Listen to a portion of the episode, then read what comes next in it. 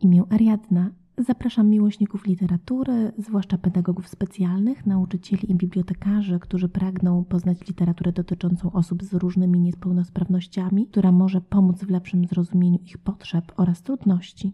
Dobór książek będzie różnorodny, zarówno będą adresowane dla dorosłych, jak i dla dzieci i młodzieży. Zapraszam na recenzję wprost z Dolnośląskiej Biblioteki Pedagogicznej. Proponuję dziś powieść Carte Blanche autorstwa Jacka Lusińskiego. Książka oparta jest o historię prawdziwą, nauczyciela historii w liceum w Lublinie. Pierwowzór nazywa się Maciej Białek i obecnie uczy od ponad 20 lat. Kiedy dowiedział się, że jest chory na barwnikowe zwyrodnienie siatkówki, bał się. Jako mężczyzna, który samodzielnie się utrzymuje, nie wyobrażał sobie, żeby stać się obiektem opieki. To strach nie pozwolił mu powiedzieć o powolnej utracie wzroku, bo straciłby pracę w publicznej szkole. Nie bez znaczenia miało wpływ na decyzję także poczucie własnej wartości oraz chęć bycia potrzebnym. Sam postanowił tak długo jak się da udawać, że nic się nie zmieniło. W szkole nie chodził z laską, nie zakładał ciemnych okularów. Starał się wyglądać i zachowywać jak dotychczas. Okazało się, że jego sekret przez kilka lat nie został odkryty. W tym czasie kilka roczników przygotowywał do matury z historii i nawet uczniowie nie domyślili się, że zachowanie ich belfra odbiega od standardów. Nie dziwi więc, że ta historia zainspirowała reżysera Jacka Lusińskiego do napisania książki oraz nakręcenia filmu. Po wielu rozmowach z Maciejem Białką o tym, jak to było stracić wzrok, co wtedy czuł, widział, jakie miał myśli, uczucia, postanowił dokonać niezwykłego marketingowego zabiegu. W 2015 roku pojawiły się jednocześnie film, książka i audiobook. Na okładce książki jest zdjęcie Andrzeja Chyry i informacja o filmie. Książka nie jest opasłym tomem, lecz dwustustronicową powieścią, którą się czyta lekko i przyjemnie. Wygląda to na scenariusz filmu, który został rozbudowany do książki, co jest ciekawym zabiegiem, rzadko spotykanym. W wielu wywiadach Maciej Białek podkreśla, że nie jest to jego biografia i jego historia jest tylko w niewielkim stopniu wykorzystana przez Lusińskiego. Mimo to na okładce jest dopisek Prawdziwa historia niezwykłego nauczyciela. Bohater powieści Kacper Bielik także uczy historii w liceum. Narrator pokazuje nam sceny jak w filmie, więc łatwo sobie wyobrazić scenerię i postacie. Nasz bohater to zwykły, przeciętny nauczyciel. Nie wyróżnia się specjalnie na tle grona nauczycielskiego. Nie jest pedagogiem roku, a uczniowie nie lgną na jego lekcje z entuzjazmem. Młodzież woli komórki, gdzie wszystko znajdzie w Google'ach, niż słuchanie Belfra. Kacper żyje z matką, która aktywnie poszukuje mu żony. Czuje irytację życiem zawodowym i prywatnym. Pragnął, by wzbudzić w uczniach zachwyt, entuzjazm, by młodzi ludzie wynieśli wiedzę oraz wartości.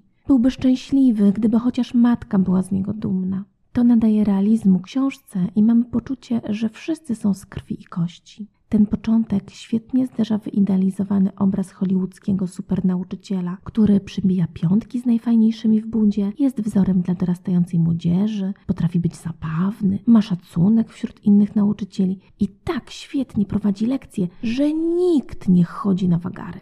Na szczęście Lusińskiemu udało się uniknąć tej pomyłki, choć w dalszej części już niestety wątki hollywoodzkie występują w większej mierze. Ciekawe są dialogi, które aż kipią ironią, kpiną, złośliwością bohaterów i mamy wrażenie, że życzliwość omija szerokim łukiem historyka.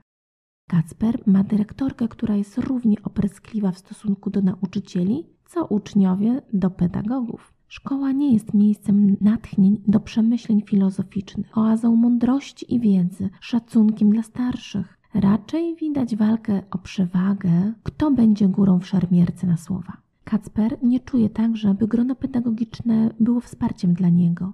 Jest tam rywalizacja, brak wsparcia i nikt nikomu nie może przyznać się do słabości. Ważna w hierarchii jest ilość funkcji. Im więcej, tym więcej pieniędzy i tym lepsze układy z dyrektorką. Kiedy więc Kacper zauważa pierwsze oznaki problemów w rozczytaniu liter w książce, idzie do lekarza.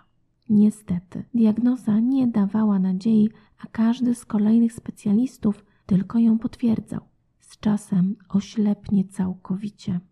Nasz bohater jednak postanowił żyć swoim dotychczasowym życiem. Jedynie swojemu kumplowi Wiktorowi zdradził swoją tajemnicę, której miał strzec nawet przed żoną i córką. Bowiem Kacper straciłby pracę, może nawet dyscyplinarnie, a na pewno byłoby ryzyko kuratorium i prokuratury. W końcu jak niewidomy nauczyciel ma dbać o bezpieczeństwo uczniów, jeśli nie może dostrzec, czy uczniowie ściągają, czy ktoś wychodzi z sali, czy pije alkohol na lekcji lub pali papierosy. Na pewno nie byłoby możliwe opanowanie klasy, która wykorzystałaby to i okazała jeszcze mniej szacunku nauczycielowi niż dotychczas. Dzięki wielu rozmowom Lusińskiego z niewidomym już Białkiem udało mu się ukazać w książce proces tracenia wzroku, obawy, a nawet załamanie nerwowe, kiedy mężczyzna zaczyna stawać się niepełnosprawny. Ponieważ książka opowiada o mężczyźnie i została napisana przez mężczyznę, to wyjaśnia, dlaczego dialogi są szorstkie, pozbawione patetyczności, nostalgii za utraconymi szansami czy światem, brak romantycznych przeżyć bohaterów. Narrator jest jakby obserwatorem, ale nie zagląda do strefy uczuć. To świat, w którym bohater walczy najpierw z diagnozą, nie poddaje się i chodzi do specjalistów z nadzieją, że któryś zaprzeczy pozostałym. Potem walczy z orientacją przestrzenną szkoły, pokój nauczycielski, schody, toaleta, by na końcu walczyć nawet z samym sobą, z chorobą. Humor przebija z książki i nie pozwala zatopić się w depresji w rezygnacji. Najlepsze są dialogi. W końcu Lusiński jako reżyser i scenarzysta jest w tym dobry. Zwłaszcza dialogi pijanych najlepszych kumpli, których przyjaźń zaczyna niszczyć choroba. Wiktor uosabia z jednej strony racjonalne, społeczne postrzeganie niepełnosprawności, z drugiej staje się wspólnikiem w oszustwie całego świata szkolnego. Nakreślone postacie uczniów są wyraziste, podobnie jak nauczycieli. Mamy w powieści zaledwie kilku bohaterów, jednak nie ma żadnych ocen moralnych ich decyzji czy postępków. To należy do czytelnika. Dobrze się zastanowić nad faktyczną sytuacją osób niepełnosprawnych. Których zawodów nie mogą wykonywać? Czy gdybym także straciła wzrok, czy straciłabym coś jeszcze? Kacper dostaje propozycję wychowawstwa klasy maturalnej, którą przyjmuje. Młodzież w klasie trzeciej B to nie wybitny kwiat inteligencji to przedstawiciele zwykłych nastolatków z XXI wieku, co w przytoczonym fragmencie zostało dobrze ukazane. Miał w klasie przekrój nieomal całego społeczeństwa. Rozgorączkowanych arogantów, chłodnych olewaczy wszystkiego, przeciętniaków zakamuflowanych w bocznych ławkach nijakersów i zaledwie kilka ciekawych świata umysłów. Może nie wybitnych, ale przynajmniej starających się posługiwać inteligencją. Kacper wykorzystał sytuację, by potrząsnąć nieco ich głowami, budzić sumienia młodzieży. Tak właśnie rozumiał swoją rolę. Inaczej jednak rozumieli ją uczniowie, bowiem ich sumienia pozostały kompletnie niewzruszone. Koniec cytatu. Ciekawe są metody, jakie wprowadza Kacper w swojej klasie trzeciej B. Na początek postanawia oddać trochę kontroli uczniom, co ma uczyć ich odpowiedzialności Przypomina to trochę funkcje, jakie na etapie wczesnoszkolnym dzieci dostają od nauczyciela. Co ciekawe, maturzyści nie wykorzystują tego do psikusów. Może takie zabiegi z praktycznie dorosłymi ludźmi mogłyby w praktyce szkolnej być normą. Na pewno metoda białych kart, czyli tytułowy carte blanche, jest warte rozważenia. Coraz więcej białych kartek pojawiało się w jego życiu. Czarny druk jakby zapadł się w biel i powracał dopiero pod wpływem silnego światła. Kacper czytał teraz za pomocą lampki, którą niczym grotołaz zakładał na głowę i wspinał się po kształtach liter. Białe kartki zaczęły też coraz częściej pojawiać się w życiu uczniów trzeciej B. Na niemal każdej lekcji odbywał się sprawdzian, ale żaden z nich nie kończył się wystawieniem złych ocen. Jeśli ktoś odpowiedział dobrze, dostawał odpowiednią ocenę. Jeśli źle, było to dla Kacpra przyczynkiem do opowiadania na dany temat ciekawej historii. Malała w ten sposób liczba złych ocen, rosła za to wiedza uczniów. Po pewnym czasie, niczym psy Pawłowa, na widok Kacpra wyciągali białe kartki i czekali na zadanie tematu. Nikt nie protestował, każdy oczekiwał na dobrą ocenę lub niekonwencjonalną, ciekawą historię. Kacper liczył na to, że efektem ubocznym tej sytuacji będzie wyeliminowanie ściągania, które od dziada pradziada było immanentną częścią narodowej edukacji. Był przekonany, że ściąganie to forma samoobrony uczniów przed złą oceną i wynikającymi z tego kłopotami. Koniec cytatu. Czy możemy wyobrazić sobie świat bez sprawdzianów, bez złych ocen?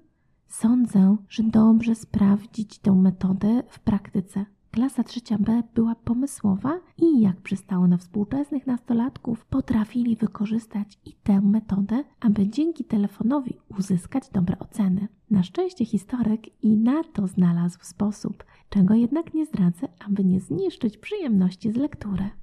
Książka została napisana dla dorosłych, o czym świadczy chociażby używanie przekleństw, brak zaś nowomowy młodzieżowej. Jednak dialogi pomiędzy starymi belframi a młodym pokoleniem o sens edukacji, o wyższość nowoczesności nad tradycją, warte są przytoczenia nawet na lekcji z powodu ich aktualności. Niektóre fragmenty mogą być dobrym pretekstem do rozważań, choćby dialog z przyjacielem o odpowiedzialności nauczyciela. Pytania do zadumy nasuwają się same.